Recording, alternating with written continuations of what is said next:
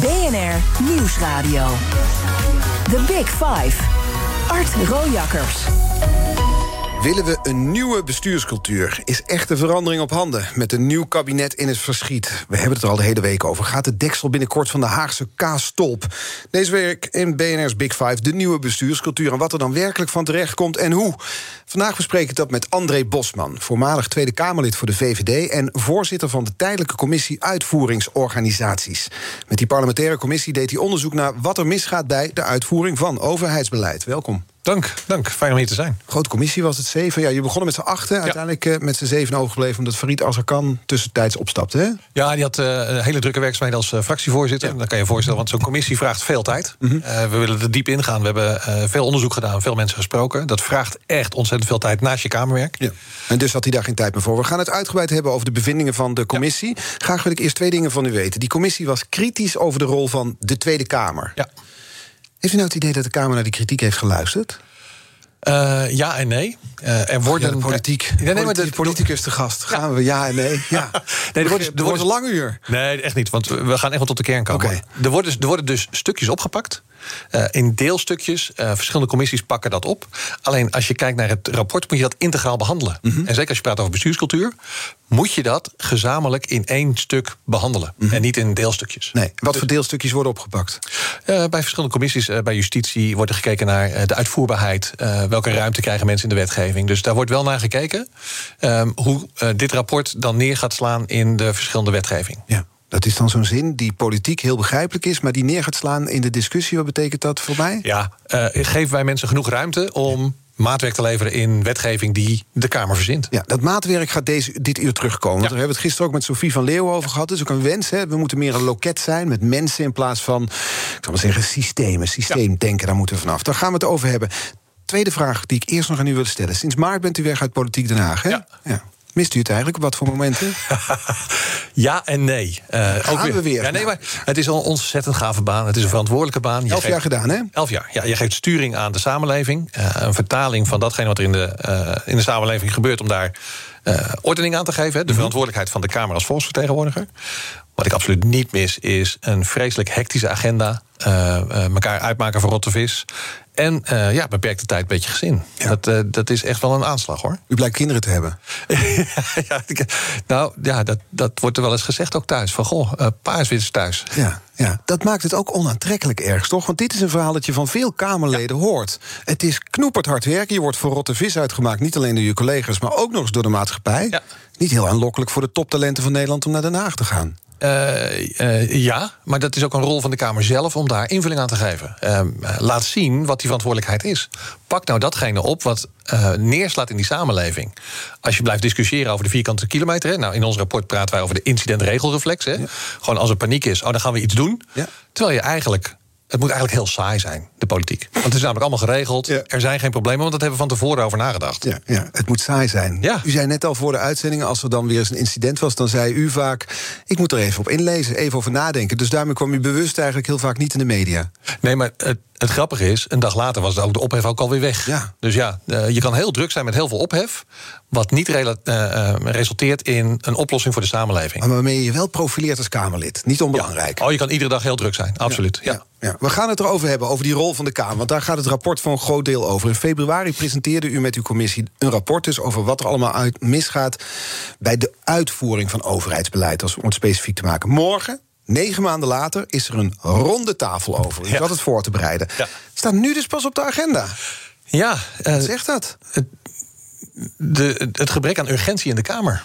En uh, een rapport als alle andere rapporten. En dat hebben we natuurlijk ook gehoord bij de Algemene Rekenkamer en de Nationale Ombudsman. Die tegen dezelfde problematiek aanlopen. Waarbij ze rapporten maken die echt wel van belang zijn. van problemen die ze aankaarten. En dat blijft dan op de plank liggen, want er zijn heel veel andere dingen die dan in de waan van de dag belangrijker zijn. Mm -hmm. Terwijl dit echt cruciaal is. Wij, wij, zijn allemaal bezig met die nieuwe bestuurscultuur. Daar speelt de Kamer een centrale rol in. Ja. Ook volgens uw commissie. Ja. En vervolgens stilte. Ja, ons, ons rapport was eigenlijk ook de basis geweest voor die nieuwe Kamer om eens na te denken: wat zou die rol moeten zijn? En dit zou een prima basisstuk kunnen zijn om met, met zichzelf als Kamer, met zichzelf in debat te gaan. Ja. En een positiebepaling te regelen. Um, want Ja, we zijn nu negen maanden verder. De oude systemen zijn perfect ingesleten. De, uh, de reacties zijn weer hetzelfde. Uh, en de Kamervragen ook. Ja, er is wat dat betreft in die negen maanden weinig veranderd. Morgen dus een ronde tafelgesprek. Ja. Verwacht u een hoge opkomst? Ik ben een, uh, een positief mens. Ik zeg ja. Oké, ja, want ik zat namelijk op de website van de Tweede Kamer te kijken. Tot nu toe drie deelnemers aangemeld. Koekoek van Volt, Strolenberg van de VVD en Bosma van de PVV. Ja, Bosma is voorzitter. En uh, ik zal heel eerlijk zijn. die moeten ook komen. Nee, maar ik, ik, uh, ik meldde mezelf ook nooit aan voor dit soort debatten. Oh. Het is namelijk geen verplichting. Het is een, een ronde tafelgesprek en dan kom je gewoon aan zitten.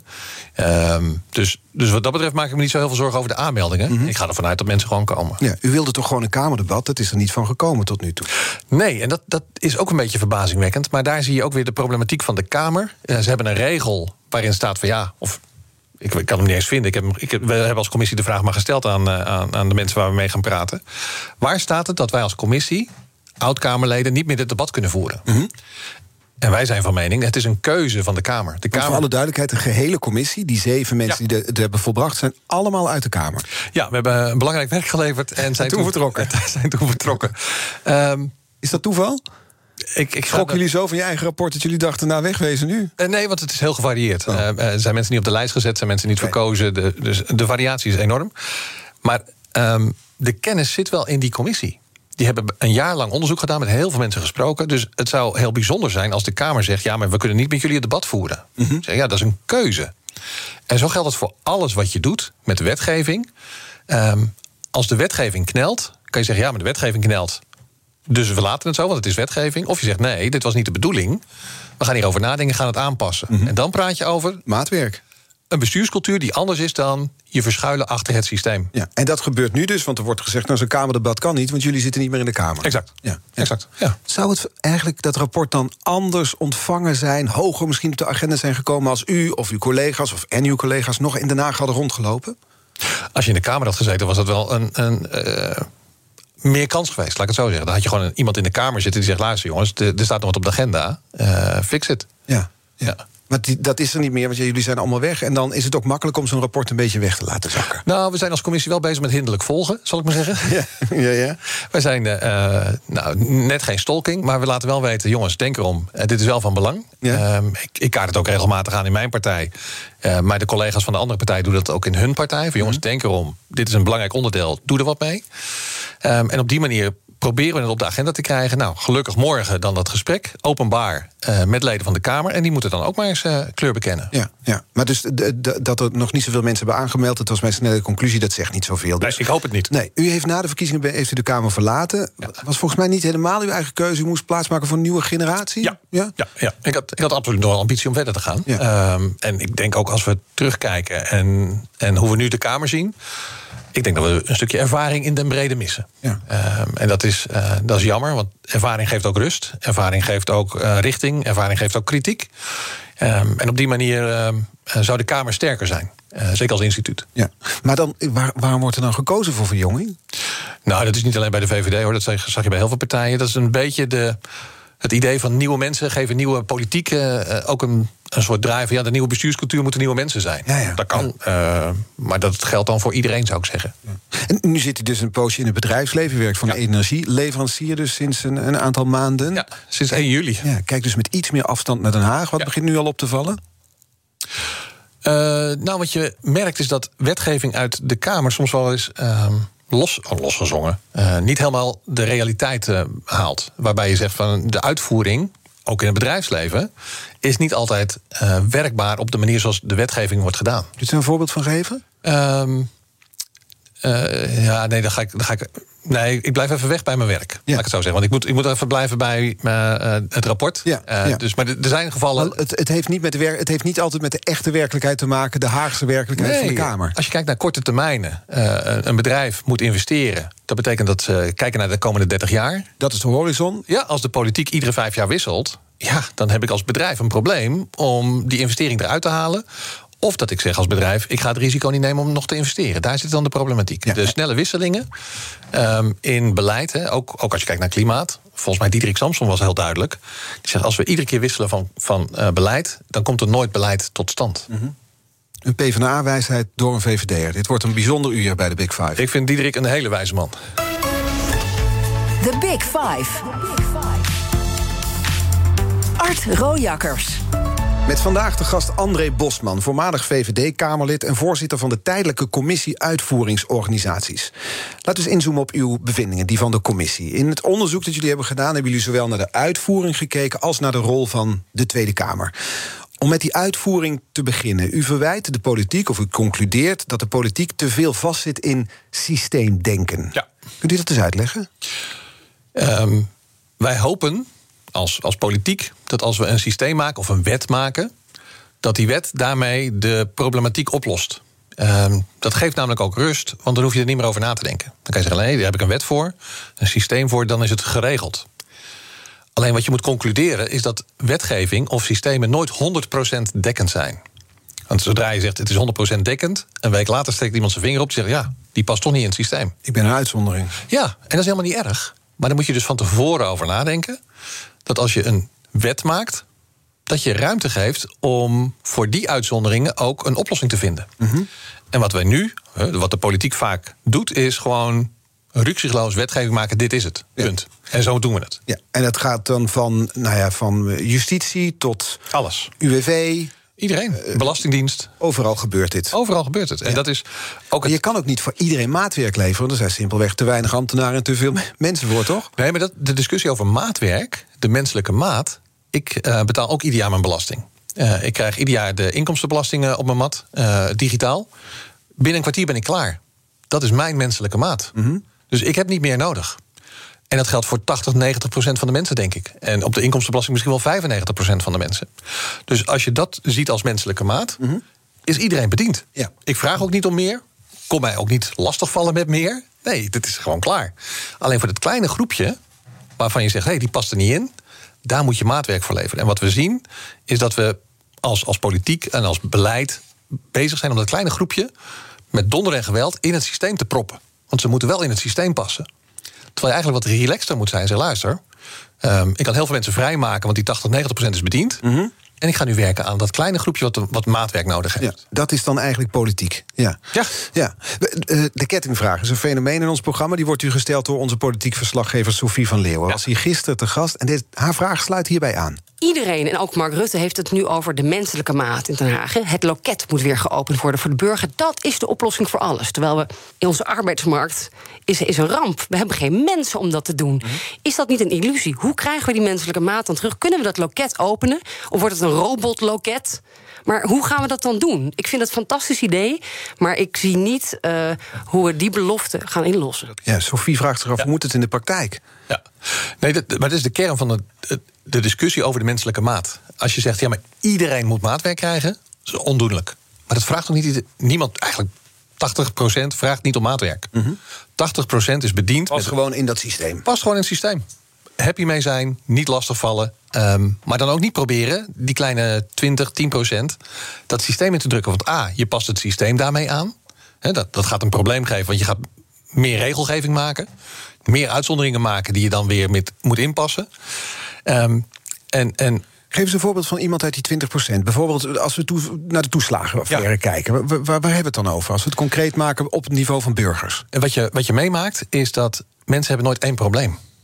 Ehm, het is nooit dat je je, je huur niet kan betalen. Eh, er is dan ook ergens een betalingsachterstand. Eh, er, eh, er zijn ergens schulden, ehm, eh, werkverlies, ziekte, ehm, onkosten die, er- die er zijn. Dus het is een veel complexer eh, systeem waarbij niemand in staat is om te zeggen: ja, maar wacht even, hier komt de oplossing. Want we zitten op vijf verschillende schijven te kijken eh, en iedereen pakt zijn deeloplossing. Dat er een integrale oplossing nodig is. Ja, en als je, als je kijkt naar een voorbeeld ehm, eh, van een gezin, echtscheiding, vrouw komt met twee kinderen alleen te staan, verliest haar werk om, door ziekte. En uiteindelijk komt het met een betalingsachterstand in de huur tot huisuitzetting. En dan zeg je, wacht even, met twee kleine kinderen die dan in de eh, jeugdopvang moeten, die dan eh, los moeten komen van het gezin, een moeder die apart moet worden gezet. De kosten zijn zodanig hoog, nog los van alle emotionele schade die in het gezin ontstaat. Maar de, gewoon de kosten zijn zoveel hoger. Dan dat je zegt, joh, maar als het betalingsprobleem de huurachterstand is, laten we dat eens fixen.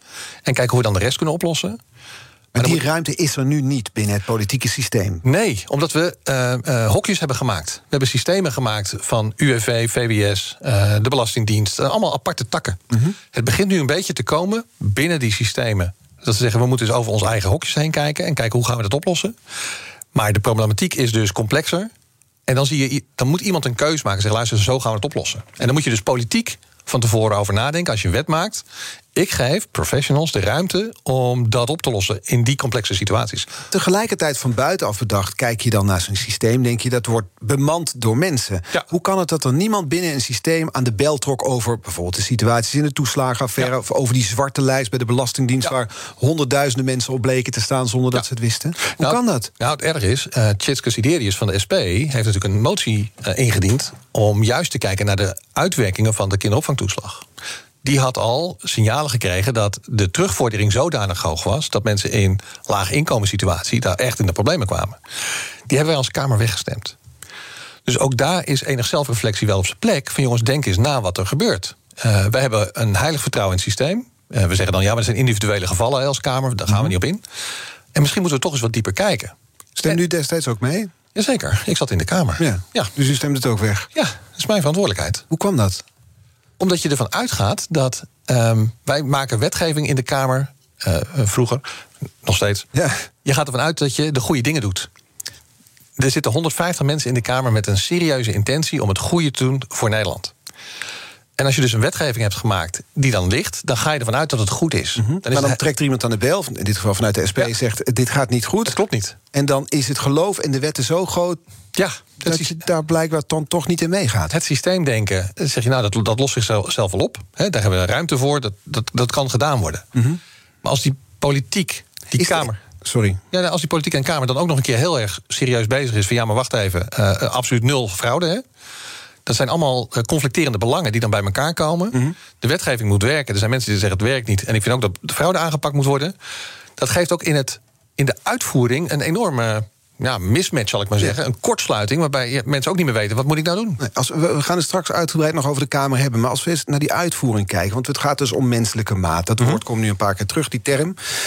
Welke taak ligt er dan voor uitvoerende instanties. zoals bijvoorbeeld het UWV of de Belastingdienst? Ja, nou, uitvoeringdiensten. ehm, vanuit de Kamer is er een blinde vlek voor die uitvoering. Maar andersom. Blinde vlek? Ja, gewoon niet zien. Want Gewoon- we hebben een systeem, we hebben een wet en dat wordt gewoon geregeld. Ja, nou, maar ook niet weten wat de uit- uitwerking is voor die uitvoering. Wat ze precies allemaal doen. Wat de werklast is en wat het effect is. Ehm, wat nodig is ook voor die uitvoering om eerder terug te koppelen naar de politiek toe. Dus er zit absoluut ook een verantwoordelijkheid bij die uitvoering zelf. Niet klakkeloos aannemen, niet zomaar zeggen: oké, dat gaan we dan maar doen. Eh, de, de ja-mits wordt altijd gezegd: hè, van ja, we kunnen het wel doen. Dus dat is echt een, een loyaliteit van ambtenaren die zeggen: ja, maar we willen dit graag doen. Maar dan moet dit en dit wel geregeld worden. Alleen wat je dan ziet is de mits, de maar, eh, verdwijnt. In de politiek. Die zegt ja, maar ze hebben ja gezegd. Dus ze moeten het maar toch gewoon doen. Ja, maar de, de hebben het, of het geld niet gegeven, of de ICT is niet op orde, of de bemensing is niet op orde, Nee. of de wetgeving is niet op orde. Dus daar, had ik, daar kwam die vraag vandaan. Hoe zit het dus als je bij zo'n uitvoeringsorganisatie werkt? Er zijn misstanden, dat zie Ja. je. Als, als buitenstaander nogmaals denk je dus... hoe kan het dat er Ja. niemand aan de bel trok? Of dat dat niet bij de politiek is uitgekomen? Ja, maar het, en dat, dat is het kromme van het verhaal. Hè. Als je gelooft in een systeem waarbij je zegt: ik doe naar eer en geweten mijn werk. Sterker nog, in de kinderopvangtoeslag-schandaal heeft de rechter nog gezegd: het is legitiem wat er gebeurt. Alleen als je erover nadenkt, dat is de wetgever zelf geweest die de wetgeving heeft gemaakt, die de rechter controleert en dus zegt: wetgever, jouw wet klopt. Alleen was het de geest van de wet die we wilden. Dat niet. En niemand heeft die vraag gesteld. En hoe kan dat? Dat is dus een geloof in het systeem waarin mensen werken. Wij zijn systeemdenkers. En daar moeten we echt vanaf. En dat is ook En dat geldt niet alleen voor politici, maar ook voor de uitvoeringsorganisaties en de mensen die daar werken. In de brede. Ik durf te zeggen dat in sommige eh, bedrijfstakken dat ook zo is. Ja. We geloven in een systeem en dat proberen we uit te. En nogmaals, het systeem werkt vaak goed. Alleen wees voorbereid op als het misgaat, als een verstoring ontstaat, dat je niet schrikt en denkt: oh, maar dat moet in het systeem passen. Nee. Als de verstoring 50% van de tijd is, nou, dan moet je je syste- systeem aan gaan passen. Maar als die veel beperkter is, zoek een maatwerkoplossing. Ja. Sta daar open voor. Ja, maar bijvoorbeeld die kinderopvangtoeslagen, dat in principe werkt dat dan goed? Nou, in principe zijn ook heel veel mensen gewoon bediend met de kinderopvangtoeslag. Alleen de uitwerking ten aanzien van fraude Ja. is natuurlijk doorgeslagen. Want je hoort veel dat het nu op de schop moet, hè? Ja, maar dat, Dat systeem ook. ja, het, het, het probleem is alleen dat dat is weer de incidentregelreflex. Het moet helemaal anders. Ja. En we moeten soms ook eens leren even terug te stappen en zeggen: oké, hoeveel mensen waren er goed mee bediend en hoeveel mensen niet? Wat was de oorzaak van het slechte bedienen? Laten we dat eens aanpakken. Eh, en we zijn heel vaak eh, gericht, hè, ook als politiek, een beetje daadkracht. Het gaat, het gaat helemaal anders. Het wordt helemaal anders. Dat is in dit geval niet nodig. Dat weet ik niet, want ik heb daar te weinig verstand van. Sterker nog, dan vind ik dat we met de Belastingdienst moeten praten. Eh, laten we eens kijken hoe we daarmee om kunnen gaan. Welke ruimte hebben jullie? Ehm, en ook daarin weer een politieke keuze. Eh, Stefan van Weijenberg kwam bij ons in de commissie. Die zei: Als wij de Belastingdienst. eh, we hebben belastingwetgeving zo moeilijk gemaakt. Als we willen vereenvoudigen, Succes ermee. is het onmogelijk. Ja, we gaan er zo over verder praten. Dus ook over die rol van de Tweede Kamer met André Bosman. Blijf luisteren. Blijf scherp. BNR Nieuwsradio. The Big Five. Art Rojakkers. Welkom bij het tweede half uur. Deze week vijf kopstukken over de nieuwe bestuurscultuur. Morgen praat ik nog met Pieter Omtzigt over zijn ideeën. Maar vandaag de gast André Bosman, voormalig Tweede Kamerlid voor de VVD... en voorzitter van de tijdelijke commissie Uitvoeringsorganisaties. Met die parlementaire commissie deed hij onderzoek naar wat er misgaat... bij de uitvoering van overheidsbeleid. Komende half uur moeten we veel bespreken. We staan nog veel op de agenda. Maar in ieder geval twee onderwerpen die ik met u wil bespreken. Namelijk hoe het kabinet en de Kamer beter kunnen samenwerken. En eh, nou ja, die zelfreflectie binnen de Tweede Kamer. Laten we het daar maar eens over hebben. Want in de discussie over de nieuwe bestuurscultuur is er druk Ja. naar, eh, nou, aan zelfonderzoek gedaan. Mensen hebben naar zichzelf gekeken. Behalve de Kamer, Ja. zei u onlangs. Ja. Waar maakt u dat uit op? Omdat, we, omdat de Kamer vooral wijst naar anderen. Eh, de, het kabinet moet met ideeën komen. De plannen moeten ergens anders vandaan komen. En het idee dat de Kamer geen onderdeel is van die nieuwe bestuurscultuur. Ehm, ik, ik hoor hem niet. Ehm, daar waar problemen zijn, toch een voorbeeldje. Als, als Pieter Omtzigt vraagt om grondwettelijke toetsing aan het kabinet. eh, dan zeg ik, ja, maar daar heb je het kabinet niet voor nodig. Kan je als de Kamer gewoon zelf doen. kan je zelf je oordeel vellen. Leg je de grondwet naast de plannen die er zijn. Toets het. Ehm, dus het feit dat je je eigen verantwoordelijkheid weglegt bij iemand anders. Omdat het omzicht in dit geval doet. Ja, maar heel veel hoor. Eh, want eigenlijk hoor je weinig eigen plannen vanuit een Kamer komen. En is het voor, vooral controlerende functie, volgens mij. Op dit dat is ook wat wij constateren. Ehm, de controlerende taak lijkt de primaire taak. Terwijl de primaire taak is wetgever. Zij zijn, de Kamer is de wetgever. Ja. En ik heb het ook wel eens tegen ministers gezegd. Het kabinet is een uitvoeringsorganisatie. Het kabinet is een uitvoeringsorganisatie. Het is een uitvoerende macht. Ja. Alleen zij worden nu gezien als wetgever. En dan zeggen ze heel onerbiedig: de Kamer is medewetgever. Nee, want de Kamer kan wetgeving aannemen zonder steun van, de, van het kabinet. Formeel moet er een contrasign onder staan. Maar uiteindelijk als Kamer kan je gewoon zeggen: joh, als je niet tekent, komt er een nieuwe. Dus het machtsmiddel ligt in de Kamer. Ja, maar op dit moment is de Kamer vooral, tenminste in de publieke opinie, een, een huis waarin Kamervragen worden gesteld Ja. op basis van mediaartikelen. Ja. Ministers ter verantwoording worden geroepen en hopen dat ze zo snel mogelijk aftreden. Ja. Controleren van de macht Ja. en ophef. Ja, en als je heel hard schande roept als eh, Shell weggaat... eh, dan moet je toch even nadenken... goh, wat hebben we in het verleden allemaal gedaan om Shell hier te houden? Eh, dus alles wat je zegt in die Kamer heeft een effect. En dat hebben wij ook geconstateerd. Het geheugen van Dat de dit de dynamiek in de Kamer is. Omdat het korte termijn is. Het is heel kort cyclisch geworden. Dus als je de korte termijn iedere keer pakt, is je geheugen ook beperkt.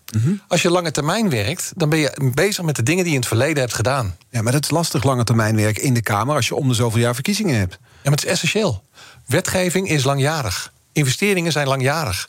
Of het nou een bedrijf is of een overheid, investeringen zijn langjarig. Als je iedere vijf jaar je investering verandert, geen wonder dat er geld als water eh, verdwijnt. Ja, dus één keer in de zes jaar verkiezingen?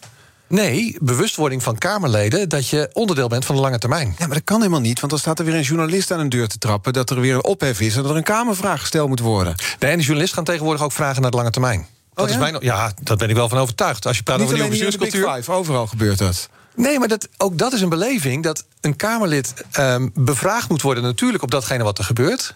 Maar dan zou het mooi zijn als een journalist vraagt. Na twee weken, en wat heb je ermee gedaan? Of na een jaar, wat is er nu van gebeurd? En wat is het effect geweest op de. Vooral, wat is het positieve effect geweest op de samenleving? Wat heb je bereikt? Ja, maar gisteren had ik Sophie van Leeuwen, onze eigen politiek verslaggever, gast, die beschreef het als een soort hyena-cultuur. Ja. Er is ergens ophef, daar ren je met Ja. z'n allen achteraan, zowel Kamerleden als journalisten. En eigenlijk houden jullie elkaar daarmee, of jullie niet Ja. meer, hè, hielden jullie elkaar daarmee in een soort houtgreep. Ja, bloed in het water. Ja. Een st- stuk rood vlees. Ja, dat, dat, dat soort teksten allemaal. En dat is natuurlijk. Je maakt elkaar ook kapot. En dat is ook wat. Kapot? Ja, gewoon. ehm, het gaat op de persoon bijna. Ehm, en het verketteren van de ander als je andere ideeën hebt. Eh, de, de polarisatie neemt toe, dat zie je ook. Eh, dat hoor je ook. Ehm, en het, het gaat vaak meer over de mens dan over het idee. En zeker is het dan het korte termijn idee en niet het lange termijn idee. Dus dat maakt de dynamiek in de Kamer ook niet fraaier. Nee, maar dit soort pleidooien voor meer lange termijn, langere horizon, die hebben we wel uh, vaker gehoord. Ook in het verleden.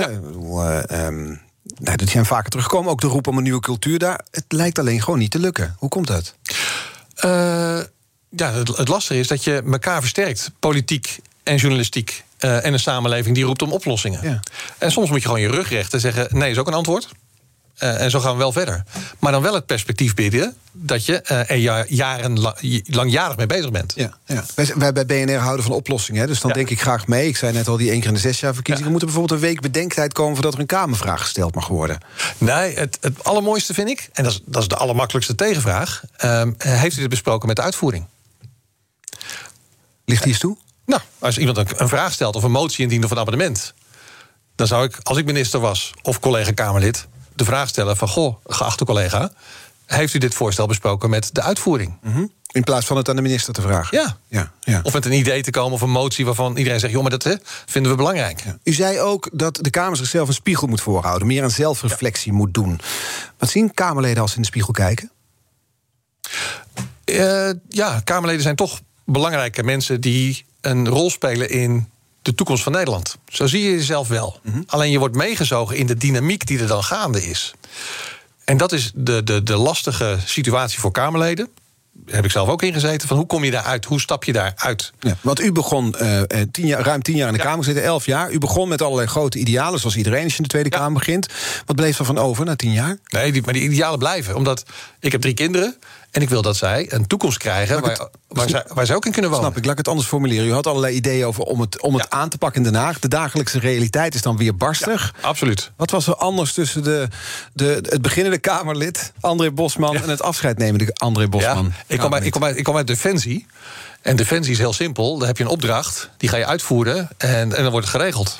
Uh, in de politiek kom je er dan achter dat je niet zozeer een opdracht, maar een wens hebt. En dan blijkt dat je heel veel mensen nodig hebt om die wens te behalen. Mm -hmm. En dan blijkt dat het beeld wat jij hebt bij anderen iets anders is. Dan moet je compromissen sluiten. En het, het verwatert snel. En dan, je moet heel erg voor jezelf in de gaten houden dat als je iets wil bereiken, moet je dat vasthouden. Want zodra je het compromis sluit en je laat je einddoel los, ja, voor je het weet, dan zit je op een heel ander pad. Ja. Wat had u beter kunnen doen in die tien jaar, elf jaar? Um, ja, nog, nog meer verdiepen in datgene wat niet mijn portefeuille was. Uh, maar dan, dan ben je wel heel druk hoor. En dat is, dat is het lastige. Um, want je kan niet het werk van anderen op je nemen. Um, en, en iedereen doet zijn werk, iedereen doet zijn, zijn, zijn best, iedereen heeft daar ideeën over. Um, en, en dat, ja, hoe je het beter zou kunnen doen. Nog, nog meer praten met de uitvoering. Ja. Ja. ja. Want u was natuurlijk uh, uh, als Kamerlid onderdeel ook van een regeringspartij, Zeker. de VVD. Ja. Dan is het natuurlijk ook lastig te zijn om kritisch op een kabinet te zijn.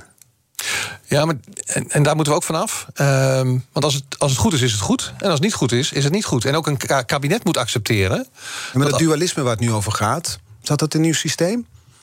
Jawel, jawel. Alleen wat je nu ziet, is dat als er iets misgaat, um, wordt het gelijk als schuld ervaren. Terwijl er gaan dingen mis. Dat, dat, dat weten we. Joh, Gert-Jan Zegers laat iets in de trein liggen. Hij zegt, steek zijn vinger op, joh, pff, dom was ik. Ja. Respect. Er gaan dingen mis, jongens. Doe niet alsof het allemaal goed gaat. Maar ga er dan mee aan de slag. En dan zou het mooi zijn als, niet, als er iets misgaat in de uitvoering... de Kamer niet gelijk schande roept. Mm -hmm. Maar eerst eens vraagt, wat gaat er mis? Mm -hmm. En hoe kan ik je helpen? Ja. En dat is een veel andere insteek dan gelijk naar de politiek te kijken en zeggen: U doet het fout. Ja. Want dat hebben we ook gezien in ons rapport. Zo'n heel departement gaat zich richten naar de bescherming van de minister of de staatssecretaris. Um, het vergroenen van informatie, mm -hmm. om maar te zorgen dat het beeld is: er gaat niks mis. De minister en de staatssecretaris zijn fully in control. Dat maak je mij niet wijs, echt niet. Nee. Want er gebeurt zoveel dat je soms moet je gewoon zeggen: joh, geen idee. Het draait vaak meer om beeldvorming dan om het vinden van de feiten. Ja, en de feiten zijn soms zodanig dat je zegt: er moet iets gaan veranderen. Ongeacht wat je wilde. En de uitvoering, dat was ook in ons rapport uh, als club, wij waren echt A-partijpolitiek. Want de uitvoering heeft geen politiek logo. Mm -hmm. De uitvoering moet gewoon gedaan worden. Dus dit is een gevolg van wat er speelt in Den Haag. Wat zijn de gevolgen, wat zijn nog meer gevolgen van, zeg maar even mijn eigen woorden, die tekortschietende Kamer? Um, ja, je krijgt een slechte wetgeving. Slechte, en dat is eigenlijk de basis van je In het geval samenleving. in Den Haag. Slechte wetgeving omdat er te weinig naar de uitvoering wordt gekeken. Ja, maar ook omdat er te weinig ruimte wordt gegeven. Omdat je bewust moet zijn van die ruimte die je dan moet bieden. Hè? Want er wordt ook vaak gesproken over de hardheidsclausule. Maar dat is achteraf. En je moet eigenlijk van tevoren als wetgever nadenken. Maar dan moet je dus accepteren dat je wetgeving niet 100% dekkend is. En zegt: oké, ik laat een deel ruimte. Alleen die ruimte moet je dus wel bespreken met die uitvoering, met mensen die het betreft, met eh, eh, klanten, met, met burgers die eh, ermee in aanraking komen. Dat hele proces moet je dus heel zorgvuldig begeleiden. Dat vraagt dus tijd. En dat gebeurt nu door de dynamiek die er is in Den Haag, door de werkelijkheid die daar bestaat. Gebeurt dat te weinig, waardoor we slechte wetten hebben. Ja, er zit tijdsdruk op, moet snel. Ehm, misschien maken we ook wel veel te veel wetgeving, veel te veel beleid. Ehm, ik, ik, ik pak altijd het vergelijking, de, het gedachte-experiment. Ehm, kies eens tussen een jaar lang geen beleid of een jaar lang geen uitvoering. Dan weet iedereen onmiddellijk wat belangrijk is. Nou, ik stel voor, laten we eens gewoon een jaar lang geen beleid doen. Of een jaar lang geen wetgeving. Ja. Rust in de tent. Sterker nog, Alexander Pechtold, die is nu directeur bij het CBR, die zei exact hetzelfde. Er was weer eens paniek bij het CBR. Wat zegt Alexander? Joh, ik weet dat er een probleem is, ik ben ermee bezig. Val me even niet lastig. Als ik hulp nodig heb, kom ik bij je langs. Nou, ze doen wel aardig hun best met een jaar lang geen beleid. Die formatie duurt lang genoeg in ieder geval. Nee. Onder Mark Rutte. Maar de beleid wordt nog steeds gemaakt. Dus Ja. het is niet, eh, eh, geen, geen grote veranderingen. Maar de, de veranderingsdynamiek, eh, beleidsmachines, Ja. wetgevingsmachines staan allemaal aan. Ja, dus we hebben slechte wetten, we hebben slechte regels. Nou, is te niet- weinig, nou, niet alleen maar, maar we, hebben, we hebben te weinig maatwerk, hebben we vastgesteld. Kamerleden komen pas in actie als de, als de media er aandacht aan geeft. Er is te weinig aandacht voor uitvoering van wetten. Dat zijn zomaar eens even een paar punten die u en de commissie hebben vastgesteld. Ja. Nou hebben we dat nu ook hier vastgesteld. Gaan we het zo hebben over het kabinet. Ja.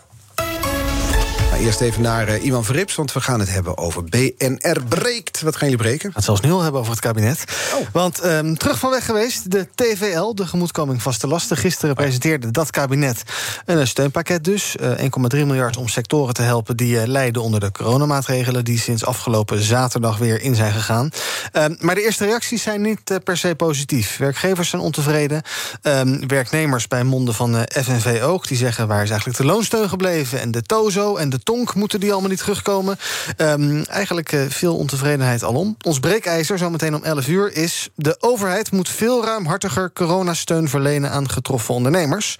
Daarover eh, kom ik graag in contact met onze luisteraars. Ik ben heel benieuwd wat zij denken. Misschien eh, denk je van ja, inderdaad, de overheid moet nu elke geleden schade bij ondernemers vergoeden. Want ja, wie kon nou raden dat wij nu nog met dit soort maatregelen opgescheept zaten? Of denk je, ja, het houdt ook een keer op. We hebben er al tientallen miljarden aan uitgegeven. En bovendien, het is ook een beetje ondernemersrisico. Eh, een paar uurtjes eerder dicht, moet dan gelijk de overheid volledig bijspringen. Nou, eh, ik ga het erover hebben zometeen. Ik ben heel benieuwd hoe eh, luisteraars erover denken. En ik kom ook graag met de eh, luisteraars in contact die daar ervaring mee hebben, die misschien nu hun winkeltje eerder moeten sluiten. Ehm, eh, of anderszins schade hebben geleden. Dus bellen vanaf 11 uur naar. 020 468 4 keer 0 Ik kan al zanger worden. Ja, dank je. Ja, 020 468 4 keer 0 11 uur in BNR breekt. The Big Five. Art Rojakkers.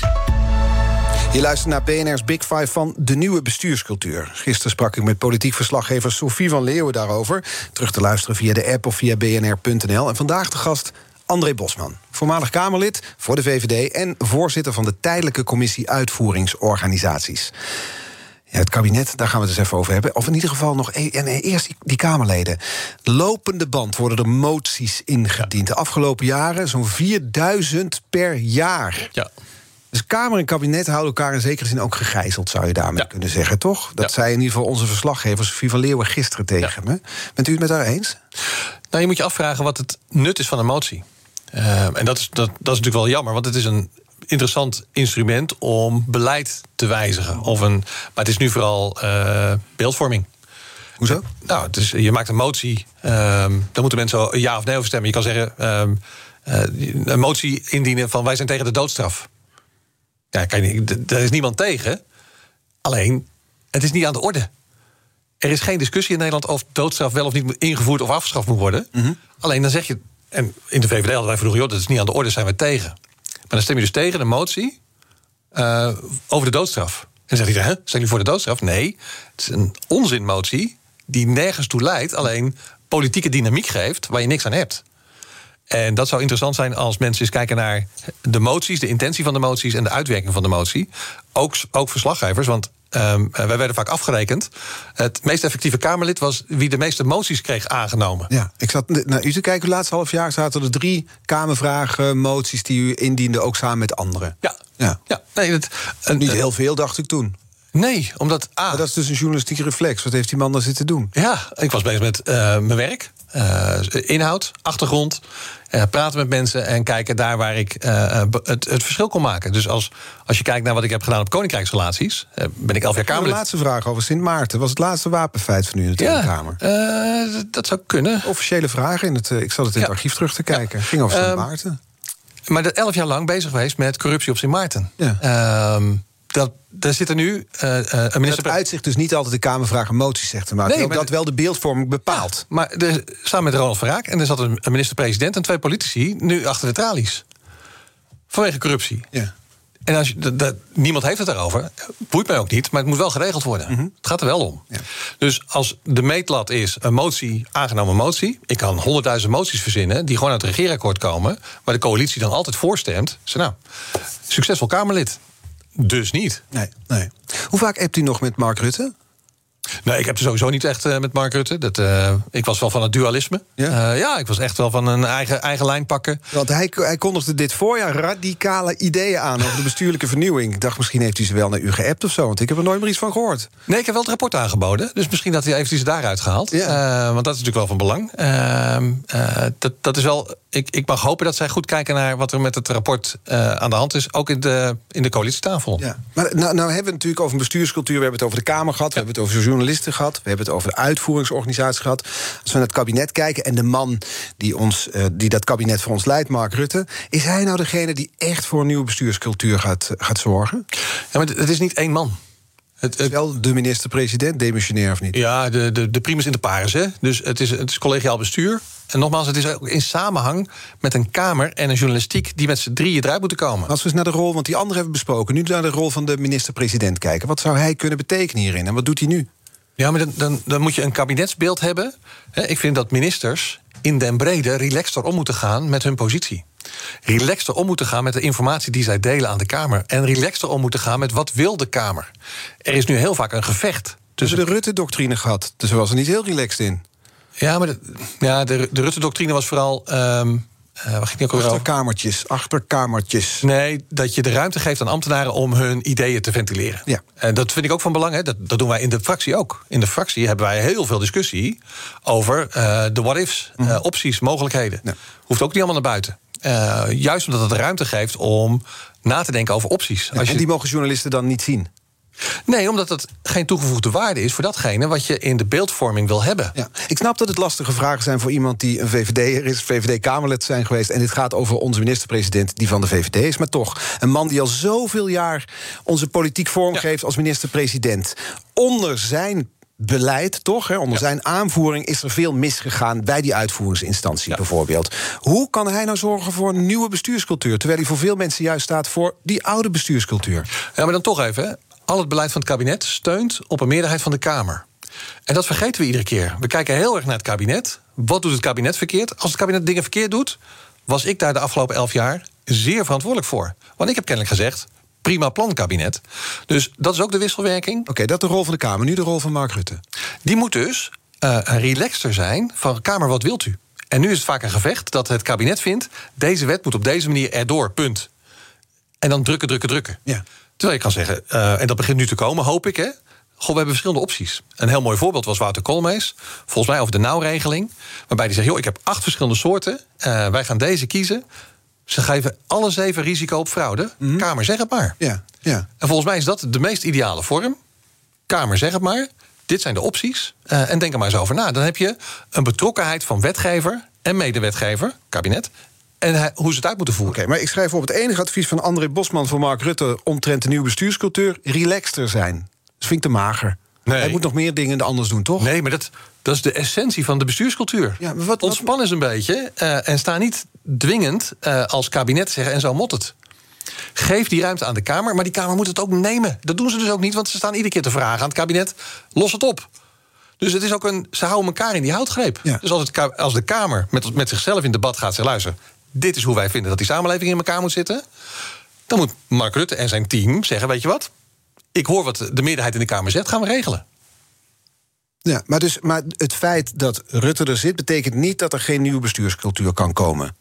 Nee, nee maar dat, is, dat, dat, dat, zou ik heel slecht vinden. Dat, dat geloof heb ik absoluut niet. Ehm, eh, volgens mij is dat een samenspel van uh, mensen. Ja, nou, dat snap ik, want we hebben Kamerleden en ministers, et cetera. Maar nogmaals, dit is de man die ons al uh, nou, jaren als minister-president aanvoert staat voor een bepaald beleid. Nu willen we een radicaal ander beleid. We willen, hè, we willen ja, nou, ja. Het is toch weer een nieuwe bestuurscultuur in ieder geval. Een radicaal andere cultuur, laat ik het zo formuleren.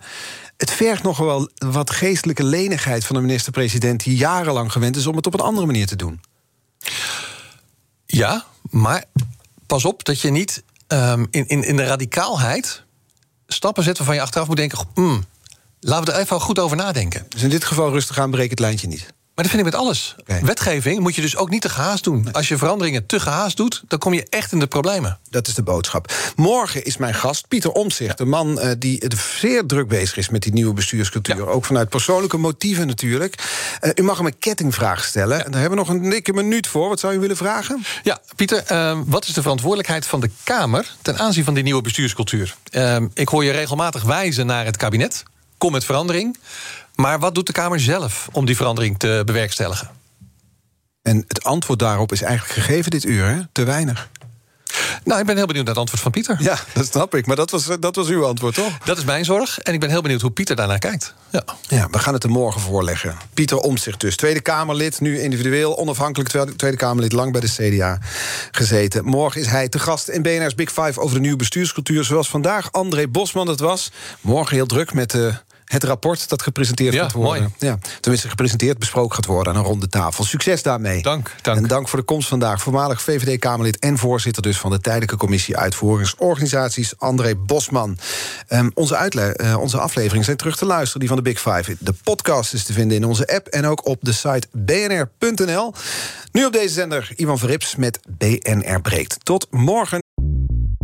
Bij BNR ben je altijd als eerste op de hoogte van het laatste nieuws. Luister dagelijks live via internet. Jelle Maasbach. Wesley Weert. We zijn er voor je met het leukste, opvallendste, maar natuurlijk ook het belangrijkste nieuws. Tijdens de presentatie van die halfjaarcijfers toen die beurskoers in elkaar kukkelde. BNR Beurs. Voor de slimme belegger. Blijf scherp en mis niets.